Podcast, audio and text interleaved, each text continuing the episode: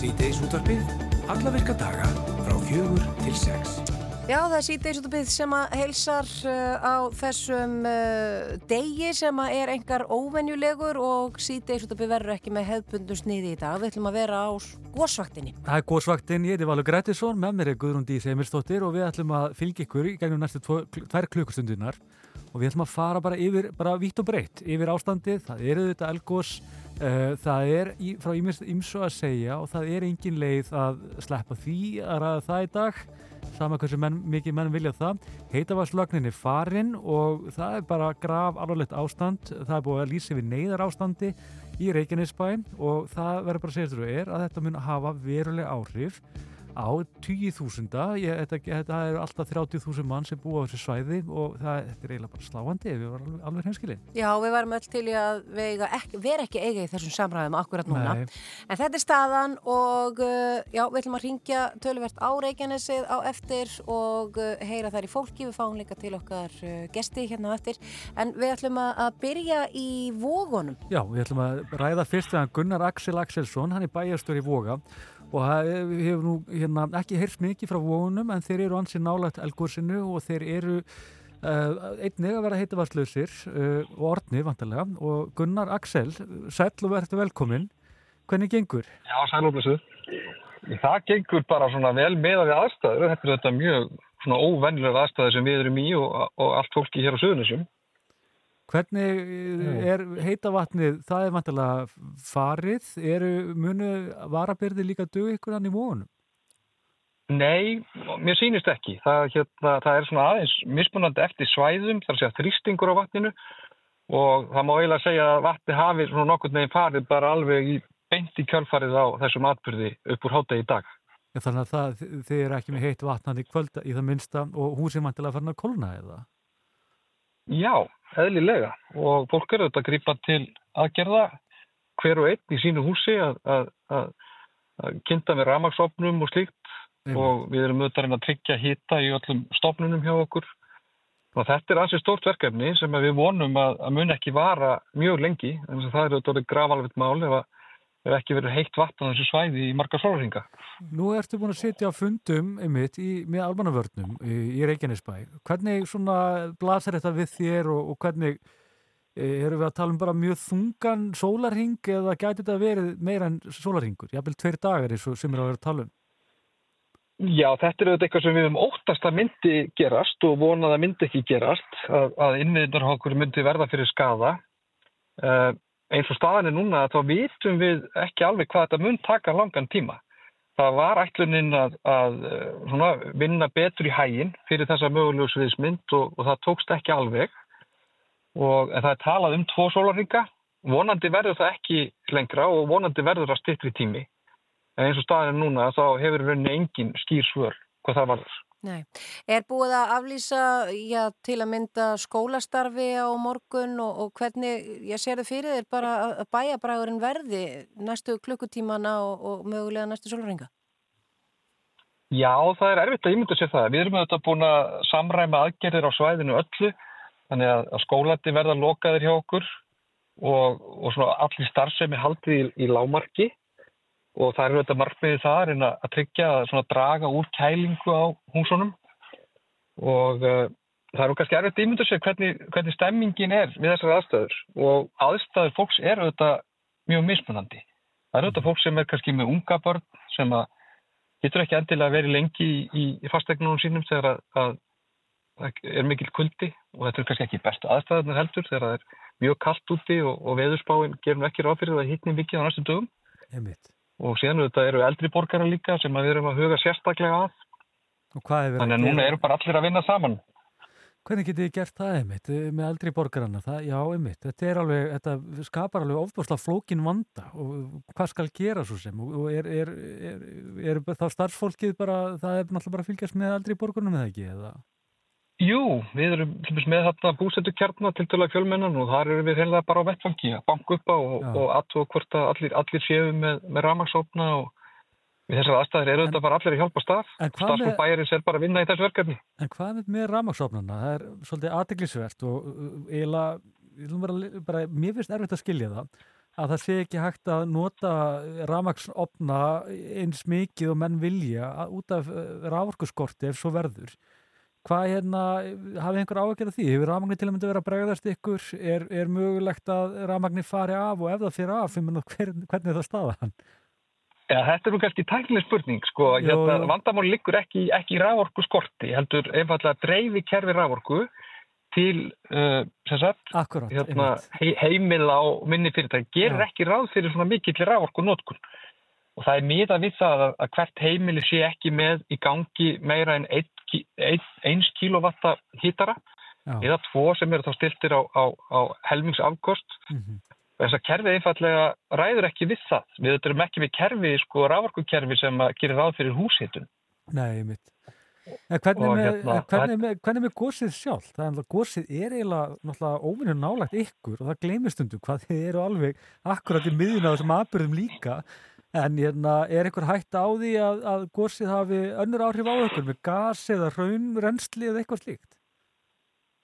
Nei, það er nú sem betur fyrir ekki talið mikil hægt á því mm og gósið er nú kannski aðeins fjær heldur um manni finnst svona þegar maður horfir yfir Já. og það virkar nú ansi, ansi nála töfuborgarsvæðinu líka þegar að, að, að það er allt í ljósum lofum eins og í morgun. Já. En samkvæmt þeim greiningum sem hafa verið gerðar og til dæla nýlu áhættumatti á Suðunisjum þá er ekki talið líklegt að það muni gjósa næri byggð í vógum. Það er að líklegir upptökustadir eldgósa er ekki næri byggð í vógum og til þess að, að eldgós muni í rauninni ofna einhver leiti byggð í vógum þá þarf það að vera mjög stort eldgós mm -hmm. og það þarf að vara mjög lengi og, og jafnvel þá eru ekki talt að mikla líkur á því að raun renni beint í átt að byggð. En þarna eru þetta grunn innviðir eins og Reykjanesbröytin og, og þetta rávorkuflutningskerfið sem að, að við myndum alltaf að horfa á og, og reyna allt til þess að venda mm. áður en að við áður en að mögulegt raun myndir ná að vóðum. En Gunnar, og, en ég er nú svo sem bent, já. Alltaf framfyrir ekki, þú er bent á. Já, ég er svo, hérna, ekki, ekki bara ég, það, það er þetta bent á, nú er þetta bara glasið við okkur talsveit breyttur veruleiki frá því sem var fyrir árið síðan og það er mjög mikilvægt að við fyrir að huga að því að, að svona, að mista okkur kortleggja mögulega forvarnir ef kemur til eldgósa á öðrum svæðum og það eru þetta miklu starra svæði heldur en bara suðunisinn mm -hmm. og, -hmm. og ég veit það að okkar vísundafólk og almannavarnir eru þetta að vinna í þeirri vinnu að sjálfsögðu en þar eru þetta takmarkað bólmagn til staðar. Þetta er ekkit ofbóslega svona stórt kerfi sem við höfum. Ég held að fólk áttur sig kannski ekkit endil á því hvað þetta eru fáir einstaklingar sem eru að vinna hörðum höndum í almannavarnakerfinu og, og í þessum aðstæðin sem eru þetta algjörlega fordama lausar eins og það er að vera núna síðustu vikur og mánuði að þá er kannski ekki endilega mjög mikið sveirun til þess að vinna mikið í hægin en fólk, það eru allir að reyna þess að. En Gunnar, hvernig, ég menna að því að nú er allir að tala um það að, eða jarðvísindamenn að tala um það að Reykjaneska eins er vaknaður og svo framvegis, hvernig Ég, hvernig er bara tónnin og, og hljóðið í já, þínu fólki í vonum? Upplifir það að fólk sé, jábel þóttu segir að, að það sé ekkit líkur kannski á eldgósi í vonum en að, að fólk, veiri sé að langi kannski ekki að búa á þessu svæði lengur eða, eða eru allir bara harða ákveðnir í að vera þarna? Já, ég hef ekki fundið fyrir öðru. Ég get alveg sagt það, ég hef ekki orðið varfið það að að fólk uh, hérna, sé farið að hugsa að setja reyfings á þessu svæði mm -hmm. og ég held að það sé alveg röggriðt í þessari stöðu að hérna, þá telt ég að við kannski bara sem þjóð ættum þá að fara að hugsa okkur til reyfings að meðan að, að meðan að staðan eins og hún er í dag Já. og hérna að, hmm. En ég ekki spyrja einu bara með eh, þetta dreifikerfi, bara til að klára það, það liggur aðeins á mér, ég hérna þarf ekki að eiga sér einhver stað e, þarf ekki að eiga sér stað einhvers konar umræð um það að efla þetta dreifikerfi sem er greinilega ekki alveg að þjóna kannski svona öfgafylstu aðstæðunum að vissulega. En ég meina en sen yngoða síður þeim aðstæðin sem við þurfum hvað mest á orkuna að halda. Þannig að þarf ekki einhvern veginn að eiga sér stað einhverjar samræðar um það að efla þetta dreifikerfi Eða er þetta bara, ég meina, menn hafa líka verið að tala um að þetta sé, veist, eru, eru gagnaðurinn að hýrða þetta allt á svo framvis? Ég held að það sé nú örglega ekki þannig, menn að hafa, það er náttúrulega stórnótendur eða ekki? En... Jó, það hefur kannski ekkert að gera með dreifingunar sko á, á, á orkunni, en, en það er alveg rétt hjá þér að, að, að þessi atbyrður sem að, að aðsóðsum alveg svona möguleg sviðsmynd, að hún mm. kannski vekur okkur aðeins til umhugsunar um afhendingar öryggi heitavatsins Það eru þetta verið mikil umræða um afhendingar öryggi raforku á þessu svæði og eins og þau vitið og er mikil umræðan í síðustu ár.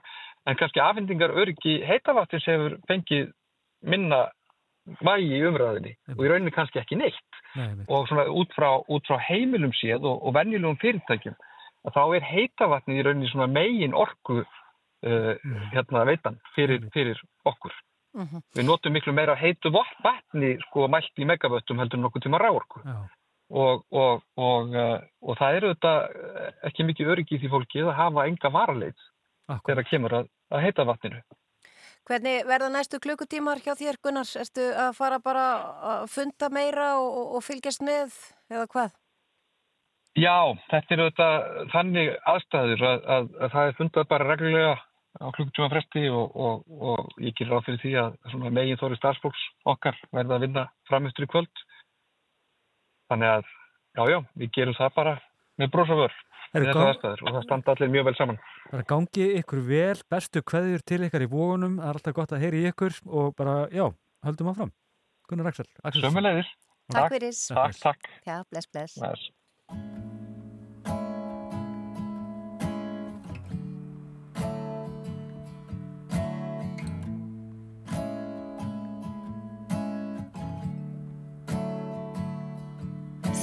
Ég sá þig fann ég tilganginn. Augnableiki frósi þú ert allur heimurinn. Ég finn frið þínu fangi ég verð þar alla tíð. Nú ég skil þú ert lífið sem ég beð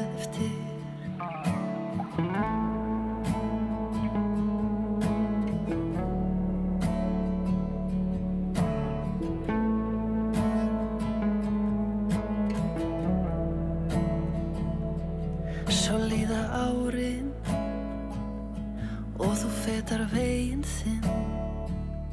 Ég skal þeirra tárin vera klætt til að styðjast við.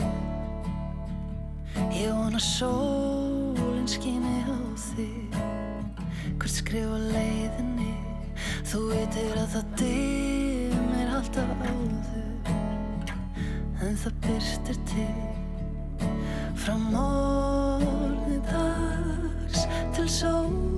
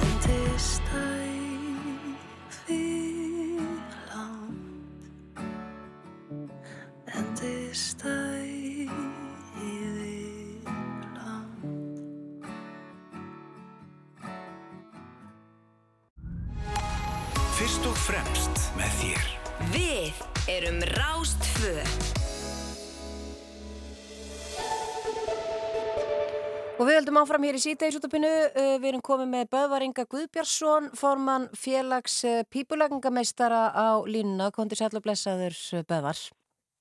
Komið sæl. Þetta er ekki fyrsta sinn sem við leitum til þín vegna, já, þessarar náttúru hamfara sem eru stöðutæðið þessi stað á, á Reykjanesunu, varðandi það uh, hvað allt þetta gerir fyrir pípurnar á húsum og byggingum uh, núna til að mynda í Reykjanesbæ og, og uh, í vonum?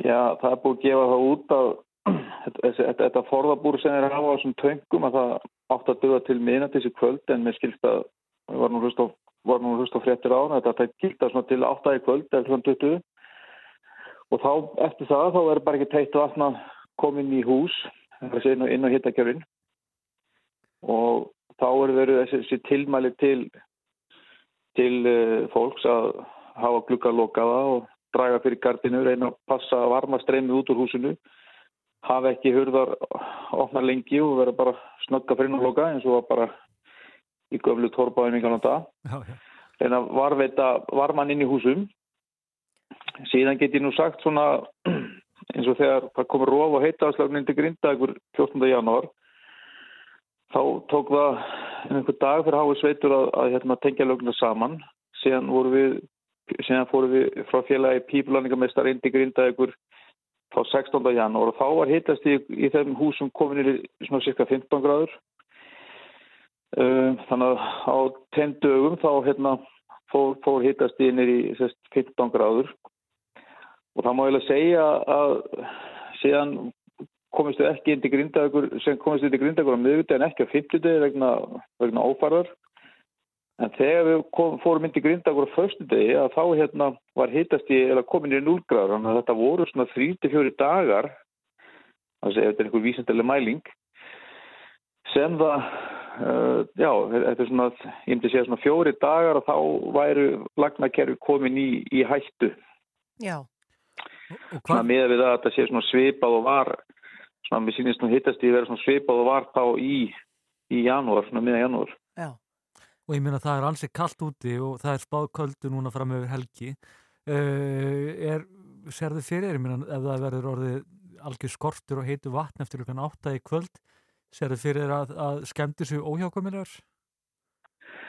Ekki inn í húsu, nei. Það sem ég er meira ágjör af er, er snjóbræslur. Það er að segja snjóbræslur sem eru ekki á lokum kerfum. Um, það er að segja lokum kerfum með frostlega á. Mm. Ég, svona, get, ég myndi frá að hafa ágjör af þeim kerfum svona eftir, eftir daginn á morgun að þá hérna, geti frosti verið að fara naga sér hressilega gegnum, gegnum hérna hellur eða malbygg eða, eða, eða, eða steittarstjættir. Þannig að ég, ef fólk hefur tökað að blása út úr snjóbræslunum þá er það náttúrulega ákveðin svona vermaðabjörgun. Síðan er líka það sem hefur verið að vera að nota affalla hittaöðu til þess að fara í gegnum lagnir sem eru fyrir heitan pótt og flera. Ef fólk hefur tökað að bregðast þessu þá er það náttúrulega mjög gott en, þetta, en þessi tjón eru náttúrulega algjörlega smáleg með að við lagna tjón inn í húsum. Mm -hmm. Er, ég meina, ef að það er ekki hægt að koma heitu vatni á á næstu dögum, er, er ekkert hægt að gera til þess að bjarga lögmónum?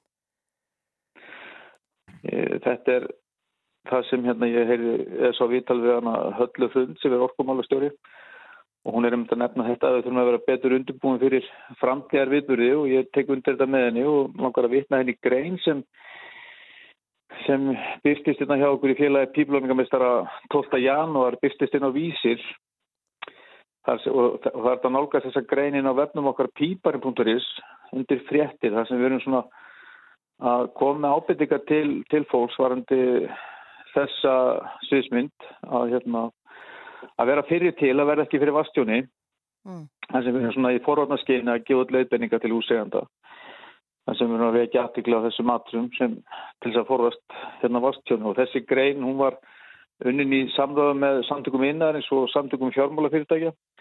Og ég vil bara sérst, sérst, ég líti á allt sem eins og það sem er búin að vera gerin í grindægn og félag pílunarmeistar komið að vermaðabjörgu þar með því að senda mannskap við bara erum búin að setja mínum aðti öll ekkin í eina körfi þarna.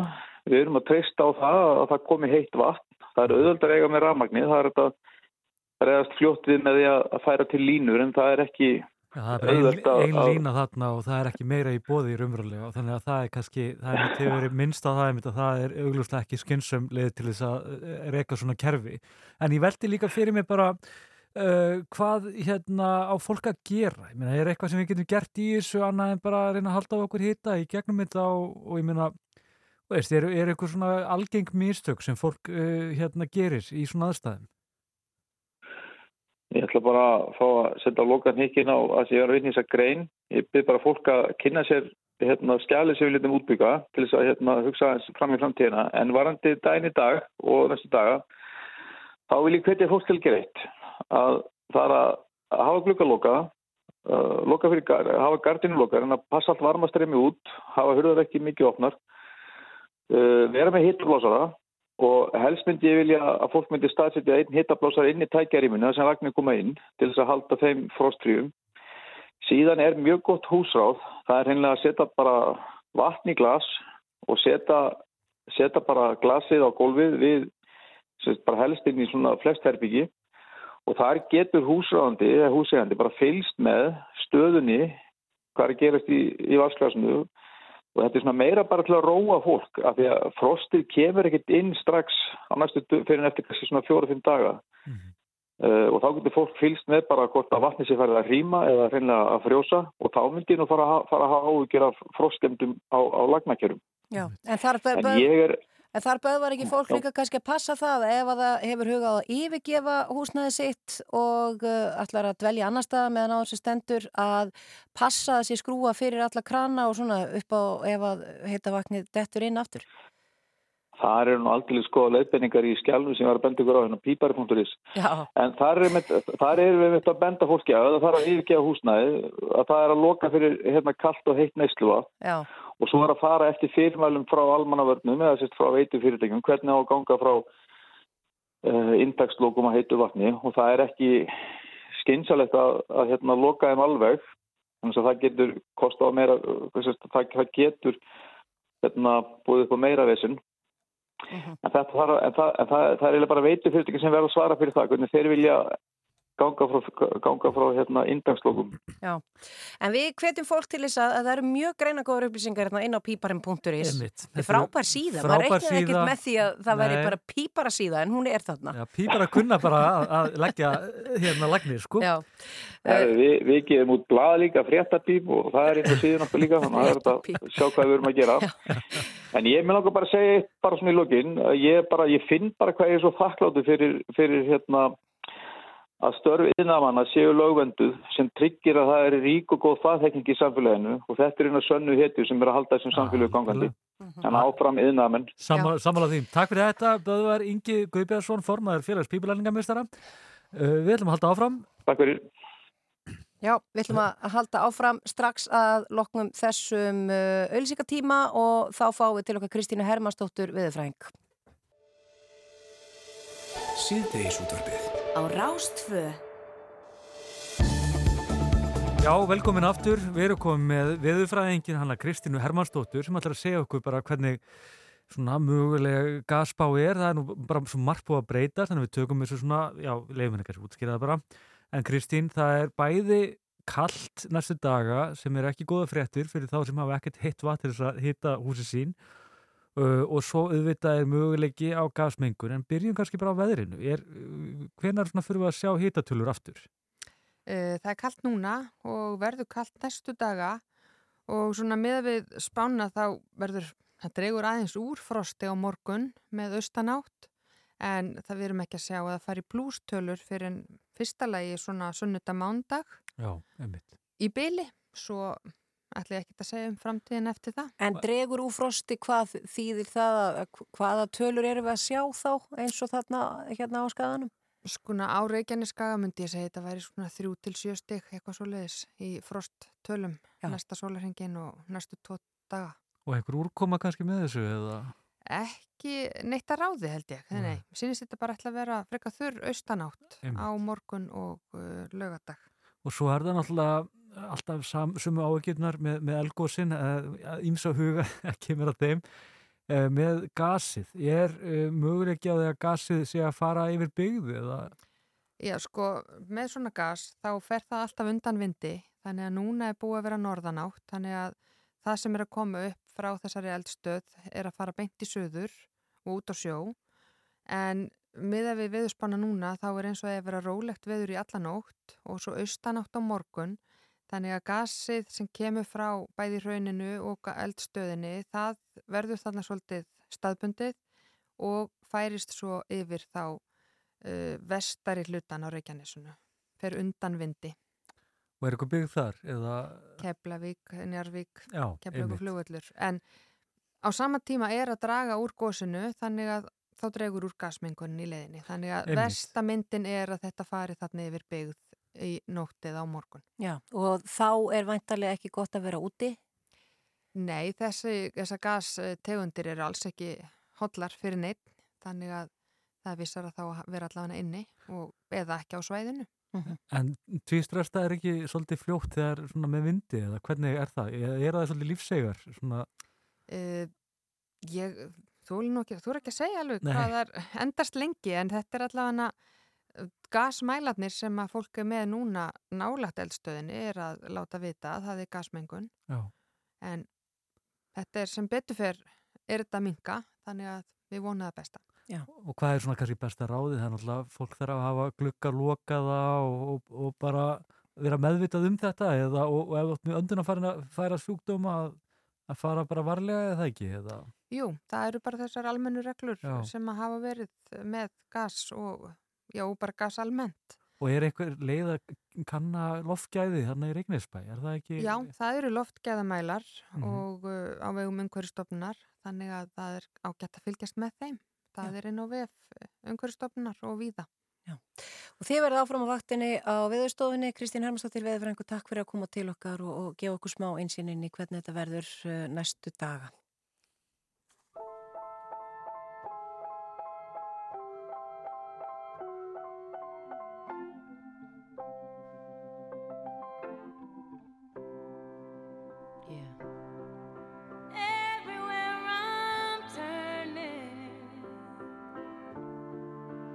Nothing seems complete. I stand up and I'm searching for the better part of me.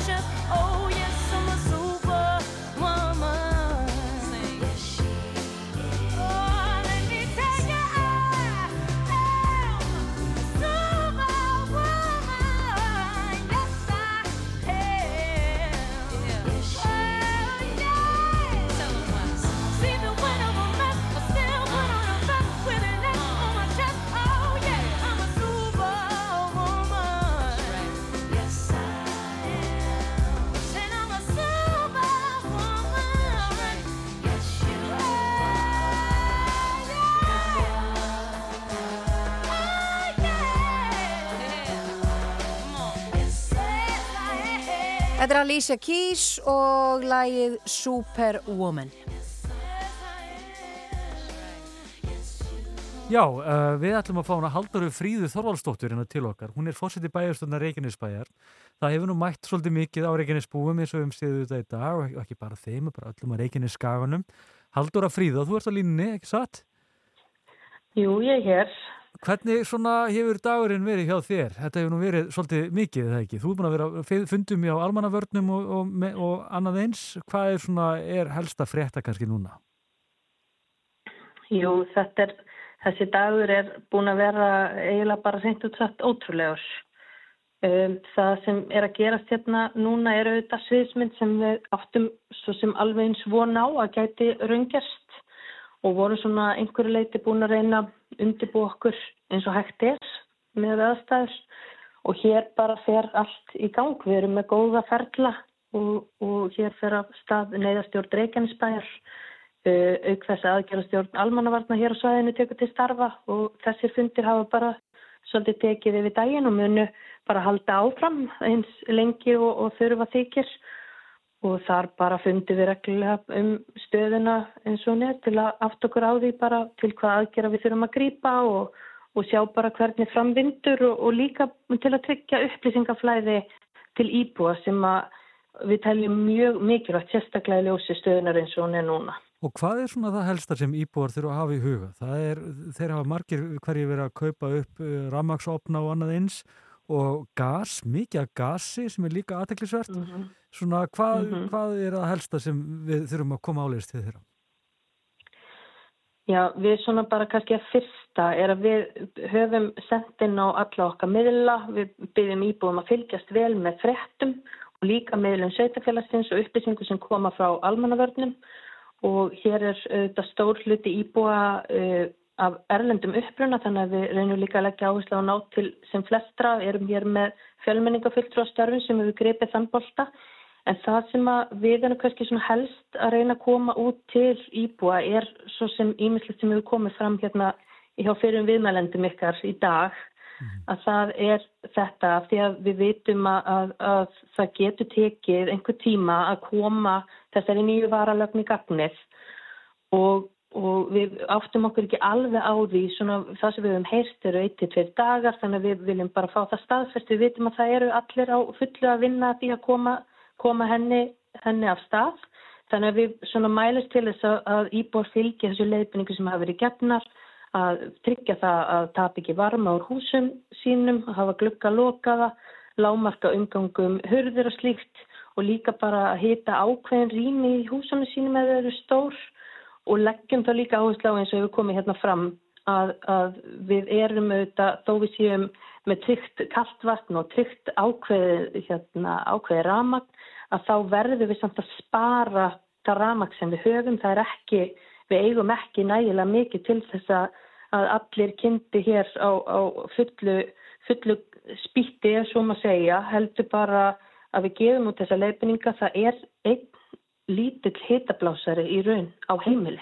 Mm. Þannig að það er mjög mikilvægt að við bara tökum höndum saman og, og svona það reynir á samtækamáttin að takmarka þessar afkynningu og svo hefur við líka heilt að, að fólk er að, að hérna, kaupa gas og ætla sér að kynna með gasi og þá er líka mjög mikilvægt það sem við erum að segja íbúum að loka glukkum að þau fylgi leifinningum almannavarna varðandi gas hita nótkunna því að það getur líka bara verið með hættulegt og við verðum að tryggja öryggi fólks. Já, varðandi þá að loftrasta og allt slíkt. Já, það eru góða leifinningar, bara það fyrsta frétt allavega síðast til gáði inn á, inn á hérna, heimasíðu almannavarnar fyrir íbóð sem higgjast nota gasitara. Já að, að það eru svona ákveðni þætti sem er mikilvægt að hafa í huga. En nú er til dæmis mikil skerðing og starf sem er sveitafélagsins eh, vegna heitavarsleisinsins vantarlega mm -hmm. bara í dag og á morgun og eh, Já. leik og grunnskólar og tónlistarskólar eru lokaðir.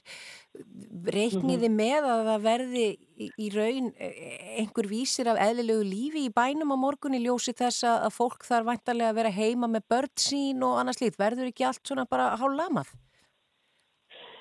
Jú, það, það verður örgulega, það verður alls ekki eðlilegt en, en bara eins og við höfum nú sínt, við erum hérna samveldin á Suðunisjum, það er ímislega sem hefur gengið á núna bara síðustu misseri og ég held að við munum bara sína það í þessum aðstæðum eins og öðrum að við bara reynum að draga okkur aðeins inn í búbluna.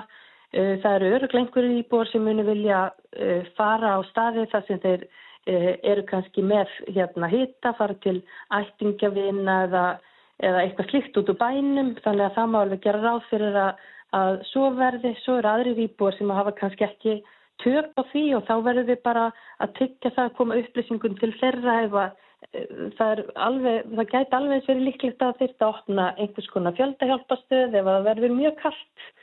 Þannig að bara að við bara hlúum hér hversta öðru og við látum þetta bara ganga. Þetta mun taka þann tíma og meðan við erum að gera við varalögnina og þá vonandi kemst svona allt í, í samtorf í kjálfarið. Og nú eru þetta mikið álag á öllum kerfum og meðal hans hefur verið heitt vatn verið hérna, skert til stórnótenda. En þá er það ramagnæðið mhm. mitt. Ég veldi því fyrir mig bara þegar kemur að ramarsnótkun, hún er mjög takmörkuð uh, á hverju heimili, svo dreifikerfið mhm. haldi. Mm -hmm. Er, er verið að takmarka ramarsnótkun til stórnótenda líka til þess að uh, það sé hægt að standa undir þessu öllu saman?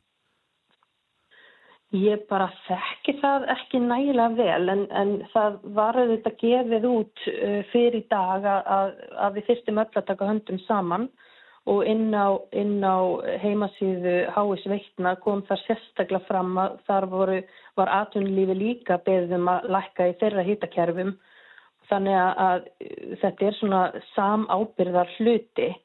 En uh, af því að hér var rætt líka áðan um, um raforkuðuriki að þá er bara mjög mikilvægt líka að það komið fram að við vorum með þetta mjög lengi uh, í viðræðum um að koma suðunisalínu tvö af stað og við erum bara nýlega búin að fá þær fletti sem voru bara byrtar ofinbarlega að, að vinna við hana hefst í ár og, og henni verður nú vonandi lokið á næsta ári þannig að, að við megum bara engan tíma að missa þar og hérna, já, þetta er bara, þetta, staðan er bara eins og hún er og við verðum bara að gera það besta úr, úr þeirri stöðu. Mm -hmm. Haldóra Fríða Þorvarsdóttir, eh, fórsiti bæjarstundur Reykjavísbæjar, takk fyrir að vera á línu hjá okkur og gangi ykkur vel. Takk fyrir.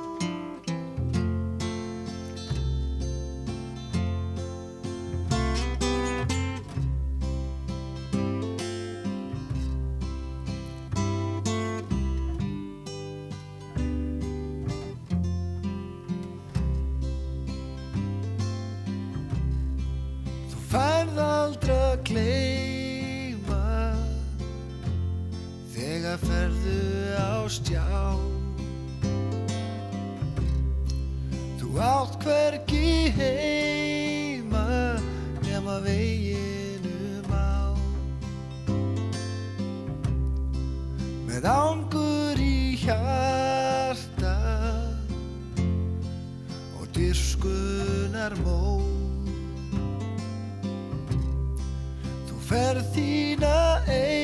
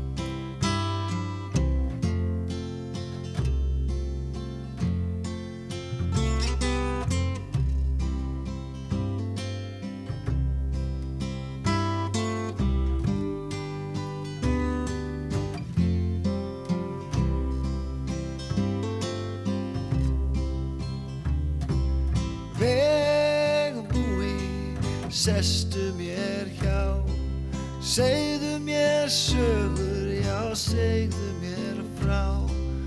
Þú áttir von, nú er vonin farin á brott Flógin í veg.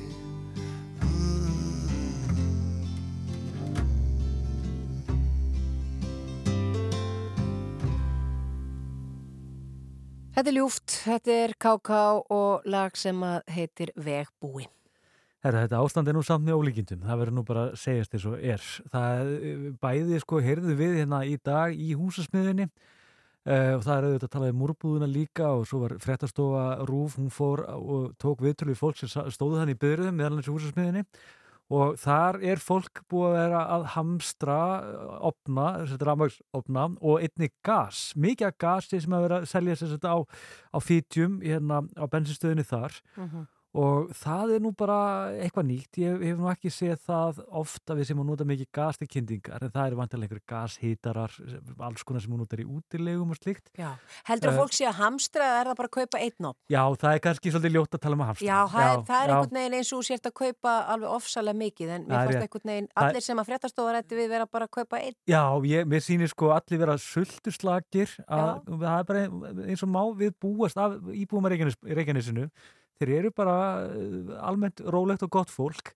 og ég held að hérna, þessi sannarlega að huga sínum nágrönnum og svo framvegis. Já, bara sína smá fyrirhyggju að eiga allavega einn opn og... Já, ég minna, allavega þú kemur aldrei að tómum kofanum allavega á Reykjaneskaðan, það er bara þannig. En bara til að hafa í huga, þá almannavarnir hafa byrt leiðbynningar fyrir íbúa á Reykjanesi sem að, sem tekja snúta gasítara til að hita upp húsi, húsi sína meðan á þessu ástandi varir. Og það eru nýju leiðbynningar sem er gott að hafa í huga Þetta má finna á VF almannavarna og það þarf að huga þeirra að bara loftinu, loftskipti í rýminu. Mhm. Ef rýmið, rýmið er mjög loftþétt þá getur sapnast upp bara skadalega lofttegundir og þetta getur verið hættulegt og bagalegt og það er að huga að þessu með að loka ekki hurðum í litlum rýmum og jafnvel bara loftræfta með viftum. Það er nú ekkit, ég held að þetta allir hafa þetta sem að reynum. Svo náttúrulega á að setja upp gasskinjara í rýmum þar sem fólk hefst við gasið þingra en loft þess að staðsetja það á niður við, niður- við gólfið Mhm. En það er svona allir gangur og gláði hvort fólki og þannig en, hérna, en, þið í það þá er það náttúrulega betra. Uh, ekki yfirgefa rými þar sem verið er að kynda með gasi það er gott að kynda í stuttum törnum og gasið líktar illa stundum og það er stundum talað um bara eins og það sé svo rótið ekk uh, og, hérna, og ef þú finnur lykt skaltu bara loka fyrir gasi strax. Í kjölfæri er mikilvægt að fara við tengingar til að aðtökast allar þéttingar séu til staðar. Þannig að hérna, uh, já og bara svo er það bara örug, örug notkun með að nota hitunatæki svo framleiðandi gera ráð fyrir og geta þess að gaskúturinn standi uppréttur eins, eins með hilkið sjálft. Ef gaskúturinn leggst á hliðina breytist gasið í vökva og við það myndast, myndast eldstungur en það nú alls ekki. Gætt að því að ekkert eldfimt sér nála hitarnum, til dæmis nælonefni blöð, gardínur, gashilki og svo framvegis. Ekki láta börn eða dýr vera eftirlýslausi kringum gashitara. Börn geta brent sig og velt hitarnum bara um koll hreinlega og við notkuna gashitunatæki getur myndast kolmón, kolmóni já, já, hérna. Kolmónoxíð þarna kom það. Uh, það getur lífsættulegt ef ekki brúðist við í tíma ef einkenni slíkra eitrunar eru já, einkenni slíkra eitrunar eru höfuverkur, svimi, ógleði og ruggleða dóði ef fólk finnur fyrir þessu, þessum einkennum þá er loftresta svæðið, fara í ferst loft og jafnvel bara ringja á sjúkrabíl. Það er svo allir gangur því uh, og munum eftir öðrum valkostundur uppbytunar það er hægt að kúra saman til teppi. Það er svona einlið og svo eru þetta hægt að klæða sér ull á sokkana og hérna draga gluggatöldi fyrir glugga, það er trikk sem náttúrulega kannski Já, bara mjög einfalt. Já. Það stýttist í fréttir og tilkynningar núna klukkaðan 5. Við komum svo tilbaka strax að því loknu og uh, eigum eftir að fá hingað í hús til okkar gestur var hingað líka í fleiri uh, íbúa í Reykjanesbæ og, og annars líkt, þannig að við byggjum eitthvað bara að fara ekki langt. Þú ert að hlusta á síðdeis útvarfið á Rástvöð. Og við höldum áfram í síðdegisúttarpinu, erum á gósvaktinni hér eins og er búin að standa yfir eh, í allan dag síðan klokkan 6 í morgun og við erum komin með grindviking til okkar núna. Það er Páll Vali Björnsson, velkomin. Eru, takk fyrir. Já, þessi atbyrgar á sem er í gangi núna, enn eitt gósið, eh, hvernig var að vakna upp við þetta í morgun? Þetta var náttúrulega, sko, þetta kom mér ekkit óvart, sko. Ég vil segja það alveg svo er. Vegna þess að það er náttúrulega búið að vera landris undir salsingi, núna alveg síðan síðasta góðsvar. Og þetta eru bara þessi atbyrður á sem verist fara bara í gang og hún fer bara alltaf stöðut í gang. Og þetta, ég menna, þetta er þriðja góðsið síðan 18. desember. Já, á tveimur mánuðum. Á tveimur mánuðum og, og ég, akkurat það sem ég bý núna í Reykjavík, það bara, þegar ég lappaði fram í morgun, þá bara blasti þetta við mér í, í stofuglöganum sko. Þetta var stórkoslega sín í morgunum Já, þetta ég... mjög, þetta er mjög tilkomið mikið mér, ég er ekki mikill aðdáðandi eldgósa og alls ekki þarna á þessu svæði en svo fyrir náttúrulega heyrðum maður fréttir og þetta var voðalega gott, þetta er nú þarna og þetta er nú mm. hérna, þarna norðan við og norðan vatnaskilla og, og það er nú voðalega jákvæmt en svo bara sá maður fljóðlega að þetta var að, að renna í vestur og hraðin og hrauninu var rosalega sko. og, og, og það er eins og bara sko ég veit ekki hvort maður á að vera að benda eitthvað út og söður á hinn og þessa en það verðist bara við Íslendingar og ég nú, nú ætlum ég ekki að vera að kenna einu með einum um og, veist, það er alltaf þetta að benda á einhverja en við virðumst alltaf vera með allt niður um okkur þegar það kemur á svona málum og núna segi ég þetta sko og ég er ekkert endilega að kenna ykkur um ég var sjálfur sveitisendamæri í Grindag 2018-2022 mm -hmm. þegar að þetta hófst þetta, þetta jarðræringa tímabil og ég satt inn í bæjastjótt sem fekk uh, teiknaður upp á döblu hjá sér og síndar allar vestu sviðsmyndunar og þar með all þessa. En svo var þetta bara svo eitthvað kósið þarna í farhandarsvelli að menn láta bara að reka á reyðanum í staðin fyrir að setja strax af stað, bara strax þá að fara að, að hérna, tryggja innviði. Og til dæmis eins og heitafjörslöfnina núna sem að sko hugsaði núna, veist við grindingar eru búin að vera í þessu havaríi í þessi þrjú ár eða fjögur ár eða þrið, á, fjögur, á fjórða ár. En hinn er, með henn og skaga nú nákvæmlega nokkur og vinir, þeir hafa alveg sloppið þetta um en nú er þetta fara að áhrif á þá líka. Og þetta var það sem var alltaf hægt að gæti gæst. Það er alveg merkilega mikið andaraleysi sem verist að hafa átt sér stað í stjórnmálum í það minnsta þegar kemur að innviða svona vörnum. Og maður veldur í fyrir sér að því að við vissum vel eftir síðasta góðs sem nákvæmlega sama stað að þetta gæti mig gerst, að þessi eina pípa sem flytur heitt vatnana yfir og, og skaffar 30.000 manns núna heitu vatni, já, já. gæti vel faraðan undir. Ég veldi bara fyrir mér fyrstulega að hvað er ekki flerri leiðslur, ég minna þetta voru þeir að leggja aðra en þeir já, byrjuðu svona bara á því í, fyrir tími mánuðum sko. Sko, ég, ég er félagsvíki og jafnaðamæður og ég er algjörlega mótið því að virkjanir Uh, og svona hérna eins, eins, eins og til dæmis bara Svarsingi Svarsingisvirkjunin og, og hérna uh, og allar þessar virkjanir séu í yfir, bara algjörlega. Og það er bara komið ljós núna æg betur að þetta á ekki að enga væða þessa luti, hvorki fórsan okkar virkjanir okkar eða nokkur skapaðan hlut. Þetta á allt saman verið eigu sveitafélag og ríkis sem að sjáum að reyka þetta og þar sá, sá, sá arður sem að þessu kemur, hann fer í uppbyggingu og varnir sko HS, HS Orka er búin að borga sér fleiri 20 miljardar í arð á síðustu árum. Fleiri 20 og, og hérna og, og maður veldiði fyrir sig ákkur ekki var ekki ákkur er ekki búin að gera eitthvað í þessu? Við erum búin að, við erum búin að vera berjast í 20 ár með að fá suðunisalínu 2 það er einhverju tveir, einn eða Það tveir eru, það er nú flóknara málinn svo. Það Já, eru það er vogar, mál. vogar, það var auglustlega staðið í vegi fyrir þessari Já, en þetta einhverjir ekki tveir og eða land, þrír landeigendur, landsnet sko. og landsnet og, Já, já. og ég finna að landsnet vil ekki þetta í jörð. Það er náttúrulega bara virkilega flókið mál, Já, vissulega. já, ég veit það, það er flókið mál En, en, en aftur á móti er nú hægt að gera ímislegt. Það er til að mynda ekki svo flókið að búi til aðra pípu til þess að hérna, koma heitu vatni eftir öðru leiðum Já. og, og og. Það er bara það með ólíkindum að það má alltaf setja einn síma í viðbúð bara í hlæðslu að það er allt sláið út bara já, já. ofan á allt annað. Já, veist, nei, í alvörinni þetta, veist, ég veltiði bara fyrir mig hvernig samfélag eru Íslingar sko. ég, veist, ég hef komin það veist, ég hugsaði þetta, betur, hvers konar samfélag eru við þegar við erum að lendi í þessu við erum, það veit allir að við erum náttúru hamfara þjóð Við erum alltaf að lendi ég hef þetta áður hérna í vitulum. Já. Við erum að lendi snjóflóðum og örflóðum og allskins of, ofveð, ofviðri og ég veit ekki hvað og hvað, en við erum alltaf einhvern veginn að eftir á með lutina. Og, og hérna, í, veistu, við erum talin eina tíu ríkustu þjóðum heims. Hvernig má þetta vera í alvörinni? Við vorum að tala við Gunnar Axel, Axelsson bæðistura í vóðunum aðan sem að varum að tala um það að já, það er allir að gera sitt besta og kerfin okkar eru lítið, almannavarna kerfið okkar er lítið og kannski lítið um forvarnir eða já. verið að fyrirbyggja að ekkert svona gerist. Nei, nei. En ég meina, Pál, hvað, ok, eðlilega ert þú orðin bara, já, vonlítill og, og þreytur en heldur að ef að við værum með eins og til dæmis svona eins og uh, að svartsengi væri í eigu ríkis eða sveitafélag, heldur að það væri uh, búið að huga betur að þessu mál? Sko, ég veit það ekki. Já, það er svo hitt. Það er svo hitt, sko. Ég veit það ekki, vegna þess að við erum alltaf einhvern veginn. Sko, ég satt í bæðstjórn, eins og ég sagði, Já. 2018 til 2022 og þar voru þessar sviðsmyndi settar upp og við vorum sem ekkert pælinett í því. Veistu, það var ekkert rendilega að fara að velta yfir hvort að þið er nú ekki að fara að setja varnangar þarna fyrir ofan grindaðik eða... Já, sem kostar vel að merkja nokkra miljardar sko. Já, já. Það er nú ekki eitthvað sem menn setja svo sem í, í fjárlögin svona bara í, í gamli síni lítið sveitafélagi sko. Nei, nei, en, en, en það er náttúrulega sko spurning hvort að þá eins og núna var gert að það var bara settur auka skattur á alla íbúiðegundur á Íslandi Mhm. til þess að búa til þennan varnangar fyrst og fremst utanum, utanum svarsengi og bláalunið og síðan fer á stað hérna vinsla að, við að setja varnangar fyrir ofan grindag sem síndu sig að þeir voru að verja bæin allavega, mm -hmm. svona einhverju leiti á meðan ekki gís fyrir innan.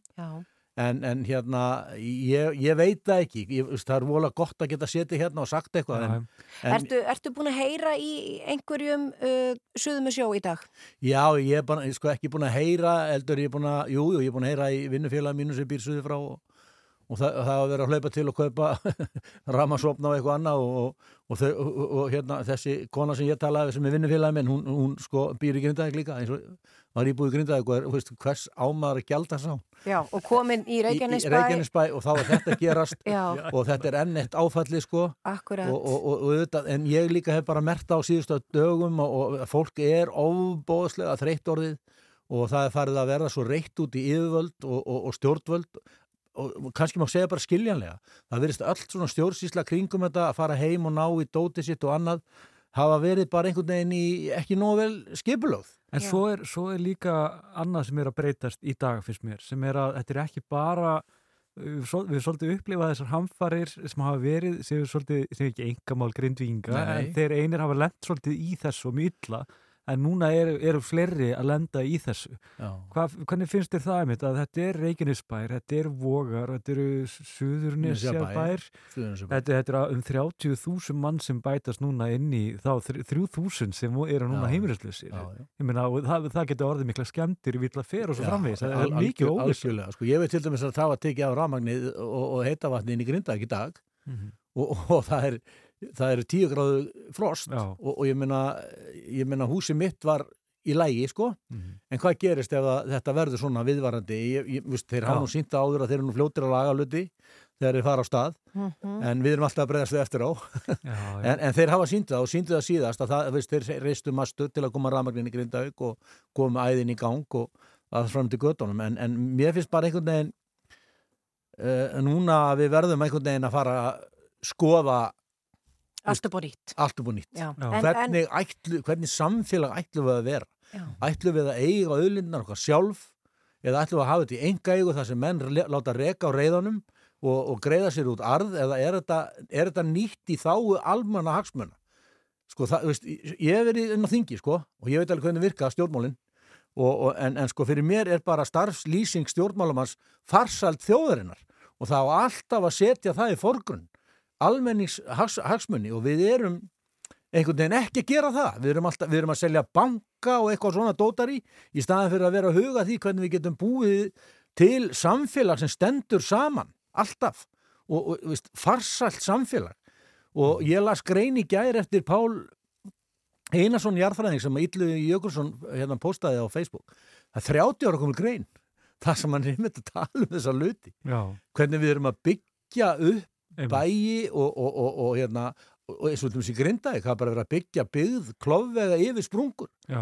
og all nýjasta byggðun okkar í Grindavík eh, hérna hópskörfið og svo hlýðakörfið sem var að koma núna sem við vorum að byrja að taka í nótkun þetta er bara ónýtt, nánast Já, já. þetta er bara ónýtt En, en uh, Páll, aðgerapakki Já. því kollegaðinir á þingi Já, og, já. og fólkið í ríkistjórninni það er búið að lofa að, að kynna aðgerapakka uh, á morgun Já. Hvað hva, hva er ég vonast eftir? Sko ég hef nú verið mjög harður á því að það er bara að borga okkur út og hérna þessi það vilja. Það eru náttúrulega skipta skoðanir í Grindavík. Mhm. Það eru margir, við höfum séð til dæmis útgerramann í, í viðtælu um daginn sem ætla sem bara ekkert að fara neitt með sín tæki, hann ætla bara að vinna þarna og, og ég veit til þess að nágræni minn sem að býr beint á móti mér, hann er ekki ekki eitt stól í burtu sko, því hann ætla sér að búa í Grindavík og það er bara fólk sem að sem að vill það, en á meðan að ég til dæmis, ég vil bara láta borga um út brunabótuma 100%, ég er ekki vissum að það verði það ég er ekki vissum að það verði 100% ég von, en, en sko eftir þannig íbúðafund sem var haldin í januar sem var mjög eftirminnilegur og, og, og, og ríkistjórnin fekk þetta hann alveg bara beint í andliti hvernig staðan á okkur var og hvað við vildum þá sögðustu alltaf að grípa okkur og gera þá hluti fyrir okkur sem þyrti og ég er svona bara temmilega bjart síðan á það að við fáum, við verðum borguð út. Auðvitað eru margar útfæslur en mér finnst bara sko stjórnvöld skuld okkur það að það bara það bara, það bara útfærir þessa hluti fyrir hvern og einn hvernig hann vil hafa það. Það eru mjög stór hluti sem vil fá að bara uh, borgað út. Svo eru aðri sem að vilja kannski býða og þá bara fá þeir að býða og, og ég, ég segi það sko ef að ég myndi ráða núna einhverju sem ég ger ekki þá myndi ég bara benda á það að þegar að hérna fólk sko nú hefur ekki, hafa ekki allir komist heim að taka verðmandabjörgun að þegar að því, henni líkur eða það tekst þá eigi bara loka bæn Já, það eigi bara honum þangað til að þessar jarræringar og þetta landris og þess, þessi ósköp sem er að gerast í kringu svarsingi því líkur En, En ég veit að það er ekki vinsæl. En gefum okkur það, að því líkur ekki kannski fyrir næstu einhver 200 ár. Það er, eru Já, mögulega fjóra-fimm kynnslóður þangað til. Já. En það velti maður fyrir sér einmitt, þurfum við ekki augljóslega að vera að taka þessa, þessa vámun alvarlegar? Mér finnst þið svo, eh, veist, menn eru þetta núna rétt svo byrjaði að búa til varnagarða, en þeir byrjuðu bara að búa til varnagarða bara einhvern mann núna í vetur, sko. Já, ég var ekki fyrst í bara varnagarnir reistur eftir gósið átjónda. Jú. Eitthvað þannig. Og mér finnst það með dálítið með það- ólíkindum með að maður hugsaður út í þetta og kannski það var ekki að fara aftur í tíman en, en minna þetta er svona vítið til varnaðar. Já, já. Bara hvernig skal kannski bara bregðast við svona löguðu og, og þessum spám sem eru augljósar. Þurfum við ekki bara að fara að taka þetta mun alvarlegar heldur við verðum að gera hinga til? Jú, mjög, það, það segir sér bara sjálft. Það segir sér bara sjálft og það þarf að gera það. Við höfum lendi í Vestmanniðagósinu, við höfum lendi í snjóflóðum fyrir vestan og annar staðar. Og, og ég meina, það, maður heyrði, sko, ég veit um fólk sem vill bara vera í grindæk til dæmis, ég, ég skilja það ekki alveg, en, en samt verður maður að skilja Já, að þetta já. er, sko, ég, ég heyrði sögur af því þegar fólk var að patisfyrir, það ætla að neita að fara úsónum sínum, Já, þegar snjóflóðum ofðu yfir, Einmitt. en þetta er náttúrulega bara svona röms og taug að vera heima en, en svo eru aðri sem bara sko, ótrúlega margi sem ég tek eftir að fylgjast með á Facebook að þeir ætla sér ekki heima aftur. Það, get, það getur ekki búið við þetta ástand. Að ef, ef, ef það er að fara að gjósa í sundnúkagífum eða þannig kring annarkvort sunnan eða norðan vatnaskila á mánaða fresti Já, já. það segir sér bara sjálft og bærin allur sundur sprungin í miðjunni og austamegin Mhm. ég tók eftir ég fór heim á sundaginn ég komst heim að ná í búslóðana mína. Og þegar ég kem keirandi austuvegin eftir að hafa komið söðurstandavegin og kem þarna að, að, að Víðihlíð sem er öldruna heimil okkar þá þurfti ég að keira upp metri sprekku ég hef aldrei gert það áður Nei. og þarna bara síndi mér það, síndi mér það að, að þarna bara hafði síið jörði niður um meter og allt yðna hverfið okkar fyrir austan, austan höfnina er bara meira og minn ónýtt Þetta er bara allt á reyfingu. þetta er allt einhvern veginn á hreyfingu og, og hérna ég veit það ekki, þetta er ah, Ah. þetta er svo erfitt sko en, en einhvern veginn núna þá verður maður einhvern veginn sko, nú kemur ríkstjóndum með hann að pakka og maður verður að vonast til þess og hún, hann verði fullnægindi, ég er ekki alveg vissum að verði 100% brunabúta mat, kannski vegna staðinu alltaf þannig í stjórnmálum það þarf alltaf að fara einhverja leið sko, þú veist með sjálfsábyrð og, og kannski markasvirði húsa og eitthvað svona dótari sem að vera að hugsa til en, en, en, en það verður að vera mjög nála 100% til þess að fólk geti farið kannski að huga að nýju lífi. Uh, Við hefum eflistur að heyra í þér þá uh, Páll Valur þegar að þessi aðgerapakki eftir að hann verður kynntur bara til að taka aðeins stöðuna og sjá hvað Grindvíkikum finnst um þetta allt saman. Já, já. Uh, Takk kærlega fyrir að koma til okkar. Við sendum bestu hvað til Grindvíkinga þetta og svo þetta suðum við sjó. Takk fyrir það. Vonuð það besta. Síðdeis útvarfið Á Rástfö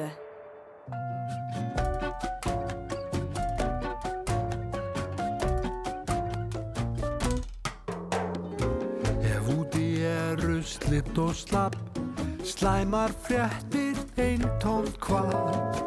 Ef tilveran er taut og þas og tænt er sérkvert pilluglas, já ef kvíðinn fer á stjá og grækir í þig stóru tá, glestu ekki á vegg.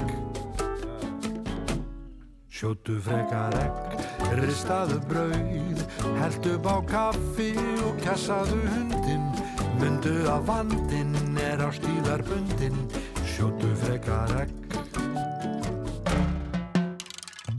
Ef mjöðminn jamt sem minnið fer og manían í dvala er, úr eldinum í öskuna, þú eirar beint með flöskuna, býr einn með svörtum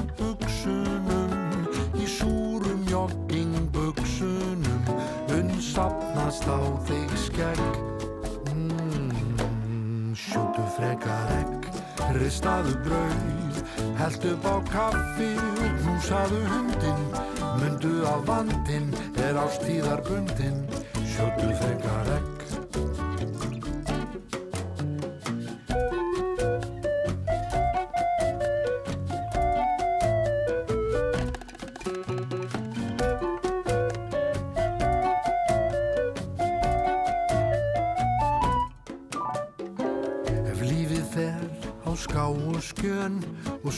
Skólast til þín fáu plön Heilin dofin, holdið slagt hjartað eitt á þriðju vakt. Þú ert samband svo meðvitundar laus og sangina dregur upp fyrir haus.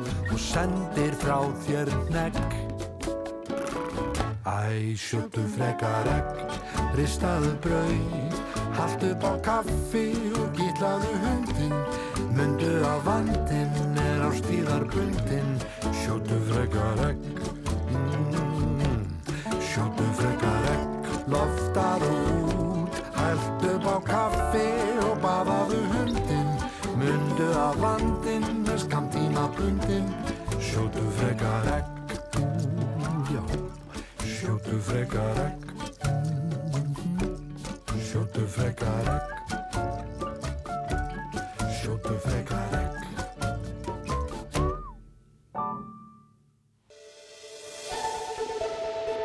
Já, við höldum áfram hér í síðdegistabinu, Pall Valur, uh, horfin á braut og uh, við erum komin í samband við Íbúa í uh, Reykjanesbæ, það er hann Teitur Ölliksson, kontur sæl og blessaður. Sæl og blessuð. Já, kannski þú, já, lýsir fyrir okkur aðeins uh, hvernig staðan er búin að vera þarna í, í dag?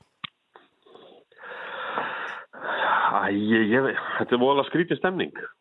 Maður bara vaknaði og hafa bara að gjósa enn einu sinni og fyrstu fréttir var þetta væri á besta stað Já. og hérna það breytir síðan skyndilega. Ég veit ekki hvort að gæðin sem gerir raunverðensli spána misreiknaði sig eitthvað eða hvað sko en þetta gerist alveg fáránlega hratt og maður bara horfði á þetta í sjónvarpinu og þannig að ég stök bara út bara til þess að ná mér í opn þegar maður sá fram að það er bara kall Bara strax í, fyrra, strax í morgun eða? Já, svona melluleiti fór ég og keitt át og þá var, þá var bara röð og klára strax hjá Bíkó og húsasmiðinni og Þannig að þið sáum þá þegar hvað stemdi hann á, á, í Reykjanesbænum. Já, já, já. Þú veist, það náttúrulega allir, allir búin að tala um þetta og eru með þetta svona náttúrulega í blóðinu bara eftir þessar hamfarir sem hafa dönið á. Einmitt. En, en, þetta var svona það vestar sem gætt gæst. en teitur, trúðuðu þið einhvern tíman að þetta myndi samt fara svona? Að því að maður einhvern veginn heldur alltaf í vonina, nei, nei, það úrstu, lög, Þetta lögnin fer aldrei í sundur, en, en svo Já. bara hefur það raungerst. Já, það, það er alltaf skrítið, sko, að þetta gerir svo óbáslega hratt einhvern veginn og, og það er svo mörg hotna líta, við erum með, sko, tengda ömmu og afa og mömmu og alls konar fólk sem er komið inn í nýrætt þannig að þetta er ekki bara að hugsa um sjálfan sig og eitthvað eitt herbyggi. Þannig að, og, og dætu mínar einu ætlar að flytja í Vossasveit bara í kold Já. til tengda fólk síns, síns sko. og ég veit um marga sem eru að fara í bústæði bara strax. Þannig að það eru margir svona sem eru bara að yfirgefa bæinn. Já. Og skrítið líka bara því ég á svo marga vinu og grindaði og maður er búin að vera að lifa þetta alltaf í gegnum þá þótt að maður geti aldrei sett sig í þeirra, í þeirra spór skiljanlega þá er skrítið svona allt í hún að vera orðin þáttakandi í þessum náttúru handverðu. Já, þetta sé fara að hafa bein áhrif á þig. Já, algjörlega sko. Hvað tekur núna Þarna við? er- Hvernig, hvernig sjáu þið fyrir ykkur næsta sólarhingin? Það er náttúrulega, það er alveg nokkuð líklegt bara að, ég meina að til tvo daga að laga, laga og koma á hittu vatni aftur. Hvað sérðu fyrir þér? Svona, Hvað ætlar að gera fyrst kannski svona, til þess að koma í veg fyrir skemmtir og annað eins? Ég hérna, það er náttúrulega komin átt og ég var að hlusta nú á ykkur í dag og það sem rafverkin var að tala um hvað hitin lifi lengi Einmitt. í húsum. Það hefur ágætt að heyra það. það. síðan er bara já, og reyna einangrað sem þú getur einangrað og, og hérna og huga inntakinn í húsinu að halda að hita þar og þetta er náttúrulega sko eitthvað sjöstega frost núna kannski gæti ekki komið á óhefnilegri stað en það á eitthvað slakna á frostinu svona inn í helgina Já. En þú talaður um það, Teitur, að einmitt, eh, þú, veist, þú ert með þarna fjölskyldumæluminn sem eru yfir nýrætt, eh, eh, þú hefur vantarlega já, aðeins áhugjur af, af þeim. Já, já, já, algjörlega sko ég held að sé sko, ég held að sé nú allir bara að hugsa um allt sitt fólk sko og fólk standi alveg saman í þessu, það vantar ekkert upp á það en hérna þetta er svona og maður það er einhverju sem eru pyrjar og reyðir eins og við séð gerast í Grindavík líka, þú veist, var ekki hægt að komast hjá þessu. Já, má, má, má, má mig spyrja að því einmitt, ég velti því fyrir mér, hvernig er einmitt svona stemningin varðandi einmitt það að heita vatni sé farið af, ég meina það er nú ekki að, menn, þetta átti ekki að koma mönnunni sérstaklega mikið á óvart. Og eins með kannski hvað dreif, hérna rafmagnið er, er viðkvæmt. Já, þetta er tóltið sko, það er, ég gekk á þessari leyslu frá Grindavík sko, frá Svartsengi bara heim til mín hérna í gamla daga. Þannig að þetta er nákvæmlega eins og það var fyrir einhverjum 40 árum, sko. Ekki búið að breyta. Nei. En þú veist, einhvern sagði mér ef, ef, ef gósið, desember gósið þarna, hefði, hefði haldið aðeins áfram, þá hefðu kannski séð þessa raunleið raungerast og þá hefðu kannski geta gert eitthvað í því, skilur. Þá hefðu þetta verið svona kannski guðlarspjaldið á okkur. Heldur þú, Hvert þetta rennur, en það gerist ekki og svo gerist þetta bara núna og, og úst, með að við það var búin að sjá hvernig þessi garðar unnu inn í Grindavík og þeir björguðu greinlega mjög miklu og þeir svín virka. Það, þeir eru heldur betur búin að sanna sig, sko. Þá er maður að hugsa um, sko, var ekkert hægt að gera þarna til þess að bjarga þessu. Og eins og ég segi, ég er ekki sérfræðingu í þessu, ég veit þetta ekki. Það er ekki að það búið tvöfaldar reikinarsprautina, sko. Og enn eitt, enn eitt stórslýsi var bara í síðustu viku eða fyrir tíu dögum. Já, ræðilegt. Það eru yfir 20 ár síðan að byrja á því. Já, en Teitur, heldur að, að eins og þú segir, það er allir að hugsa hugað sínum að heldur að Reykjanes búar fari að fyrirmælum uh, núna og, noti bara einn opn þannig að slá ekki út rafmagnið og, og, og svo framvegis eða, eða verður það kannski líka bara dálítið erfitt að vera með svona lítinn hitta? Já, ég, þú veist, ef það slæði ramagn á öllum bænum, skilur það, er ekki betra að vera bara kallt heldur en að vera kallt og í myrk líka. Jú, jú, jú, jú það græðir Ég- enginn á því. Jú, jú. Nei, ég held að græði bara akkurat enginn á því, sko. Þú veist, það er bara fín hitti núna í húsum og verður fram á nóttina öruglega og þannig að þetta verður ekkert vandamál í nótt, held ég. Nei. Þetta væri nefnilega skjörðilegt ef allir myndu setja ofnana sína í gang á sama tíma svona, 11.30 í kvöld. Sko. Já, Ég þannig held að, að, ég held að rafkerfi myndi ekki þóla það. Sko. nei, þannig að fólk þarf aðeins að dreifa álæginu. Þetta heitur Örleifsson íbúi í Reykjanesbæ og náttúrulega Körubólla heiti og annað eins. Hvað hérna, já við þakkuðu kellaði fyrir, þetta er áhugavert að heyra og hérna... Sendum bara bestu kveðjur til ykkar uh, og baráttu kveðjur og, og vonum að þetta lægist allt saman Sendum slíjar kveðjur. er Já, ekki jú, það er. Já. Já, Takk fyrir spjallið, Teitur. takk svo vel.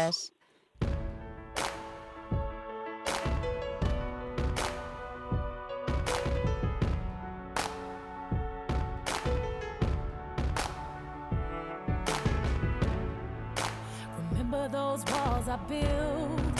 Well, baby, they're tumbling down. And they didn't even put up a fight. They didn't even make a sound. I found a way to let you in, but I never really had a doubt. Standing in the light of your halo, I got my angel now. It's like I've been awakened. Every rule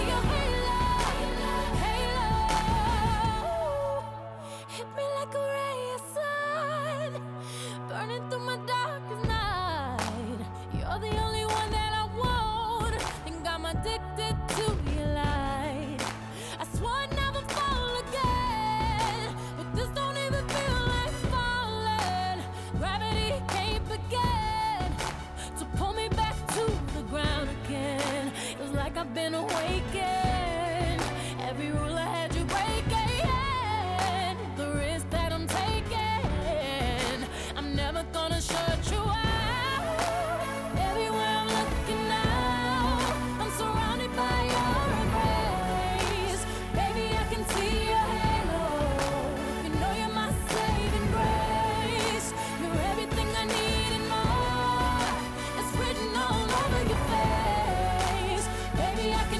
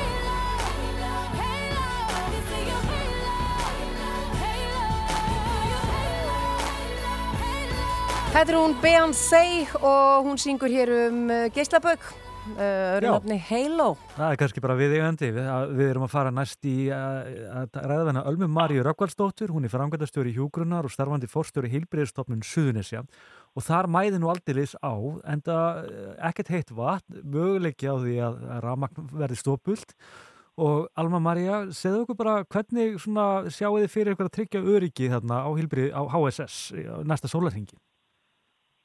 Já, góðan daginn.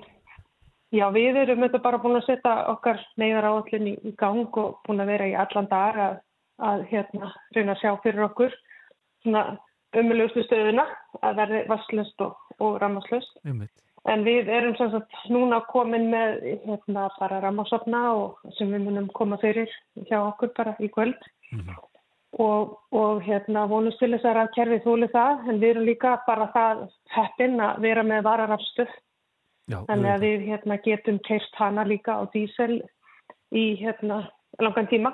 Hefur, eitthvað við- hefur eitthvað reynd á það í dag til að mynda? Með, að, að Nei, vara- ekki í dag. Við hefum ekki, nei, ekki, við hefum ekkert með stramagn á, á helbriðstofnunum í dag. Mhm.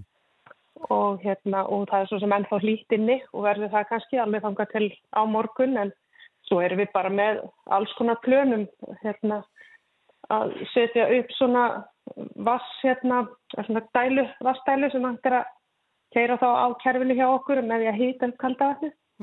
Já, einmitt, það þannig að þið verðum með eitthvað skoðað í heitt vatn. kvöld að- Já, Já, þannig að þá, það er allavega það sem við erum að skoða núna því við ætlum að reyna að gera allt sem við getum til þess að þurfum ekki að rýma stofnunina.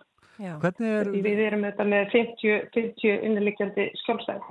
Jú, hvernig er einmitt andrúsloftið hann inni? Er fólki svolítið stressað eða kvíðið fyrir ástandinu? Náttúrulega, Nei, það er allir bara úskaplega rólegir en þá og, og við þetta bara erum að látum við þetta fólk bara vita að þetta sé svona sé allt í góðu ennþá og svo þetta erum við bara í mjög góðu samstarfi við bæði samhæfingarstöðu almannavarna og, og allar aðra stofnarnar landinu, við erum búin að funda, funda þetta marg oft í dag og við landspítalan og öll kragasjúkrahúsin og og aðrar stofnanir og það verður bara allir auðvitað vilja gerðir til þess að aðstofa þannig að það, hérna, við sjáum fyrir okkur að þetta mun allt fara vel, sko. En ef til rýmingar kæmi, eins og þú segir, það þeir með 50 innilíkjandi skjólstæðinga, það hlýtti að vera mjög flókin framkvæmt og, og, og hvert myndi þetta fólk fara?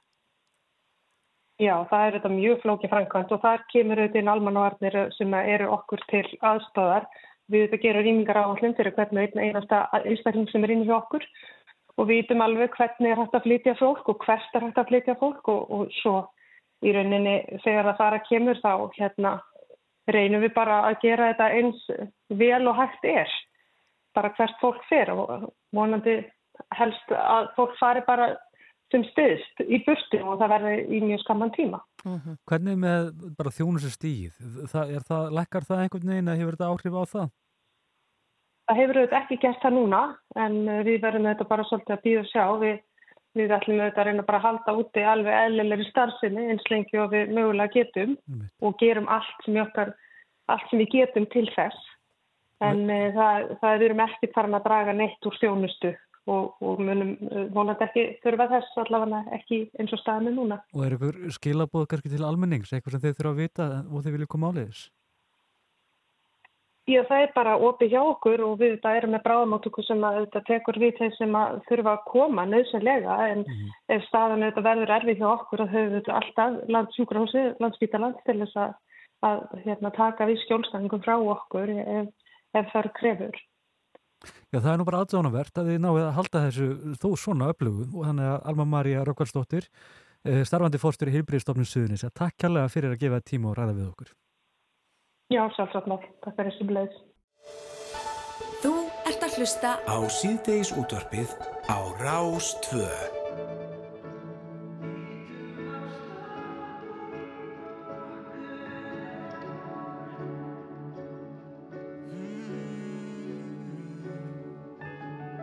Ég kveð, knús og bless, byrja að telja niður Ný orð, stærri strákar aðra hverju viku Hvernig var yfir mamma þín þá gott? Er lífið þínu megin ekki annars bara flott, já Ég sé breytingar en ég giska bara.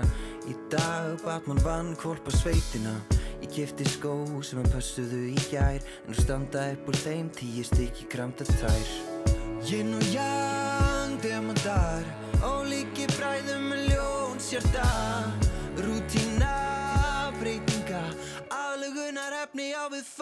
fugla Ítum á stótt í nokkur ár. Freistum tíman smá. Allt og um margt sem ég vil sjá. Ítum á stótt í nokkur ár. Það miklu fleiri mínútur Með þessum litlu farfuglum. Fá bara helmingin á tímanum framförum og mistökum. Öllum gæða stundunum Ú, Þessum farfuglum Ég er eins og er pappi hlutastarfi. Hvert bró og sér hvert tár fær bara helmingaði Ég hitti mann sem þú kalla pappa tvö Og ég óska þess að gaurinn seti bros á þína vör. Sex ár, bráðum tólf og því stekki bara Ég sé mikinn mun bara milli daga En dreymir stórt kringum ykkur fjöldi manns Sem að grípa fyrsta rasi, fyrsta tapi, fyrsta allt. Ítum á stopp í nokkur ár Fristum tíman smá Allt og margt sem ég vil sjá. Ítum á stopp í nokkur ár Það miklu fleiri mínútur Með þessum litlu farfuglum. Ítum á stopp í nokkur ár Fristum tíman smá Allt og margt sem ég vil sjá. Ítum á stopp í nokkur ár Það miklu fleiri mínútur. Með þessum litlu farfuglum För bara helmingin af tímanum Framförum og mistökum mm. Amalum og frítugum Öllum gæða stundunum Ú, Með þessum farfuglum Já, það er líka að huga farfuglunum og Júli Heiðar, hann sinnir þeim svo sannarlega. En að næsta viðmælanda. Já, við erum komin í samband við hana Sigurbjörgur Róbestóttur. Hún er skólastjóri í Akur skóla í Reykjanesbæ. Kondur sæl og blessu Sigurbjörg? Já, komið sæl. Eh, já, segð þú okkur, það er búið að aflýsa öllu skólastarfi í, á morgun í það minnsta. Eh, Hvernig var stemningin í, í- skólanum í dag? Var, var full kennsla alveg til loka?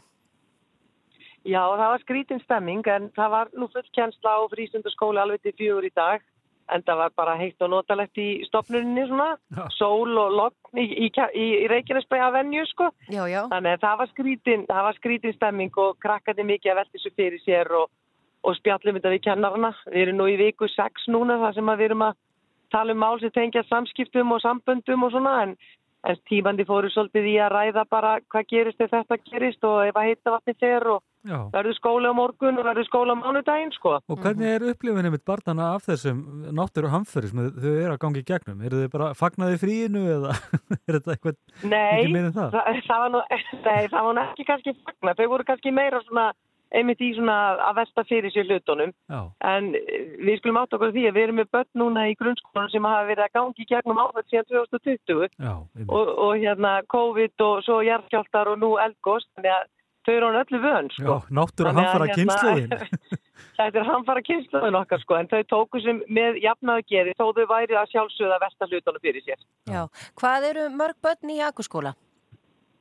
Þegar Það eru 350 börn í Akurskóla núna. Já, en ég menna, veistu hvað þetta er að hafa áhrif á mörg börn bara í Reykjanesbæ heilt yfir? Þú ert kannski ekki með tölu yfir það, en, en svona bara sirka. Nei, já við erum með þrjá, við erum með sjö grunnskóla sem eru náttúrulega allir um 400 barna grunnskólar og 11 leikskóla þannig að, að þetta hefur alls verið áhrif á öll heimili á morgun og, og, og hérna einhver leikskólar eða grunnskólar á morgun starfandi þannig að þetta mun hafa viðtak áhrif.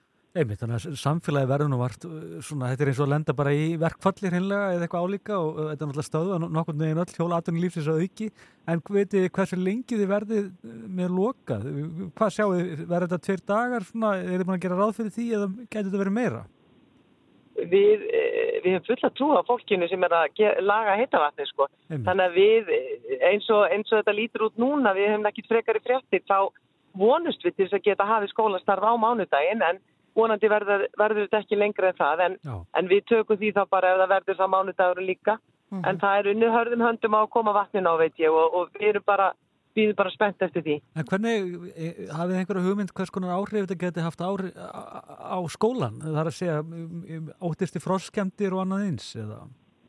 Bygginguna. Já, það Já. er, hérna, umhverfisvið er nú að vinna með okkur að því að reyna að halda byggingunum frost fríum. Já, En píparinn fór nú vel yfir þetta hjá okkur áðan með það að þetta tekur nú nokkuð tíma að, að, hérna, að frjósa í pípunum en, en við reynum að vinna í því að, að halda byggingunum frost fríum allavega í, í 2-3 daga. Já, en Sigurbjörg, svona aðeins að þér sjálfri, ertu búin að tryggja þér uh, opn?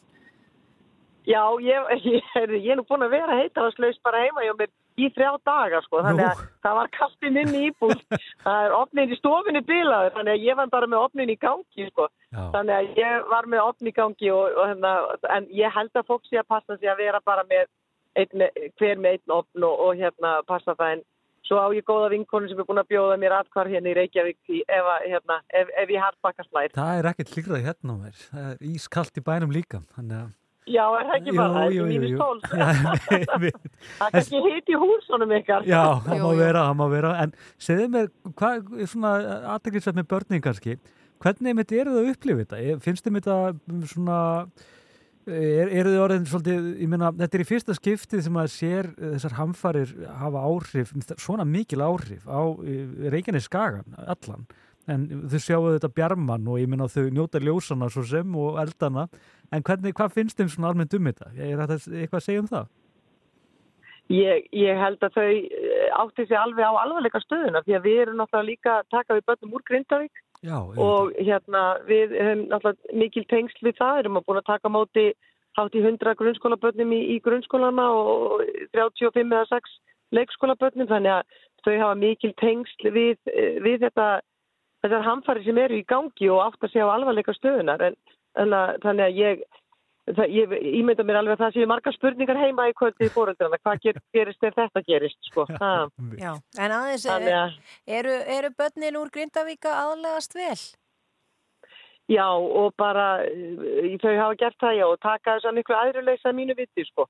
Þannig að hérna sem betur fyrir eru, eru flest að gera það.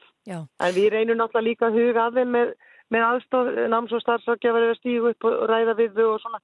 Já. Þannig að ég, það hefur gengið bara ágætlega. Já, vel haldið utanum þetta allt saman, það er gott að heyra. Já. Við vonum bara að þetta blessist allt saman og það verði komið heita vatn á hjá okkur og þið getið, eh, já, fyllt skólana af uh, uh, dásanlegum börnum strax á mánundagsmorgunin. Já, það væri bara besta í stöðunni. Já. Sigurbjörg eh, Róbersdóttir skólastjóri, Akur skóla, takk fyrir að vera á línni hjá okkur og gangi ykkur vel. Takk fyrir það. Já, bless.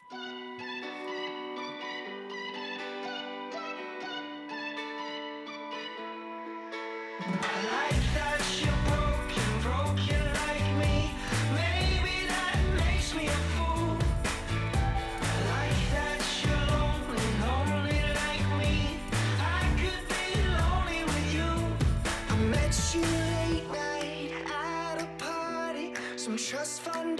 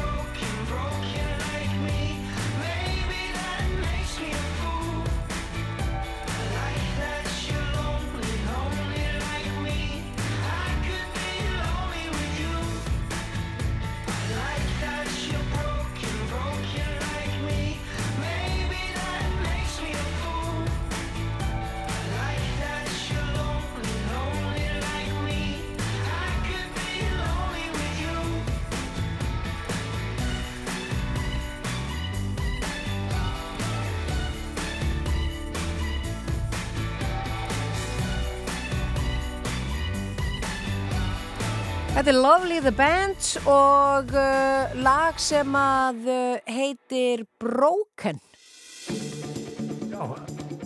Það er búið að leipa aftur rafmagni á svartingislínu eitt en drónaskoðuna svæðinu sínir að möstinu hafa sloppið ágætla frá raunrenslinu. Þetta kemur sér fram í tilkynningunum landsneti þannig að ef ykkur er veltaði fyrir sér ef, ef rafmagni hefur eitthvað verið að flökta Mhm. þá er vonandi verið að vinna í þessu þetta ætti að vera að koma í lag en, í, með, og mér heyrðist nú öllu bara að það væri nú ekki mikið vandamál með rafmagni eins og komið er og það er nú því besta mál. Það er ekki farað að kólna ráði í flugstuðinni Keflavíkur völlur er náttúrulega uh, heitavaslaus eins og a- allar aðra byggingar. Það er búið að slökka loftræstikerfi til að blása ekki köldu þar inn. Þetta er alltaf ótrúlega aðstæður. Já. og þetta hefur eiginlega engin áhrif á flugið sem betur fyrir þannig að ef einhver er að pæli því að, að, að sækja einhvern upp á leifstöðu eftir þá ætti þetta ekki, ekki að vera mikið vandamál. Já, eða er á leiðinni ellendis í fyrramálið? Já, ymitt, akkurat, þetta, þetta er ekki mikið vandamál þegar kemur á flugi í það minnsta, það, það er ekki heitt vatn til að fljúa myndi landa, ekki en það Nei, en það eru líka myndir hérna á rúvefnum, uh, það er náttúrulega verið að uppfæra allt þar bara mjög reglulega og uh, þar eru myndir af því að það er verið að vinna við að tengja þessa heitavaslög og svarsengi við kerfið til Suðunesja og það eru vinnuvélar hér og svona.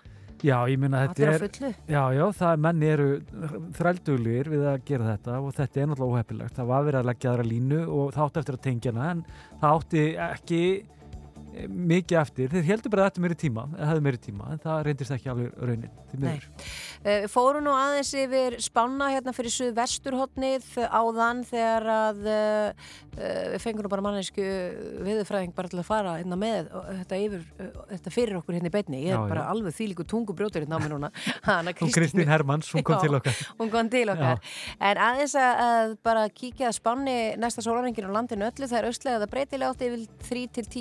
austlega það breytilega átti yfir 3-10 metrar á sekund það er víða bjartverið en stöku jél við ströndina og frost 3 til 17 stig. Og það er skýjað með köplum á morgun og dál til jél austan og norðvestan til.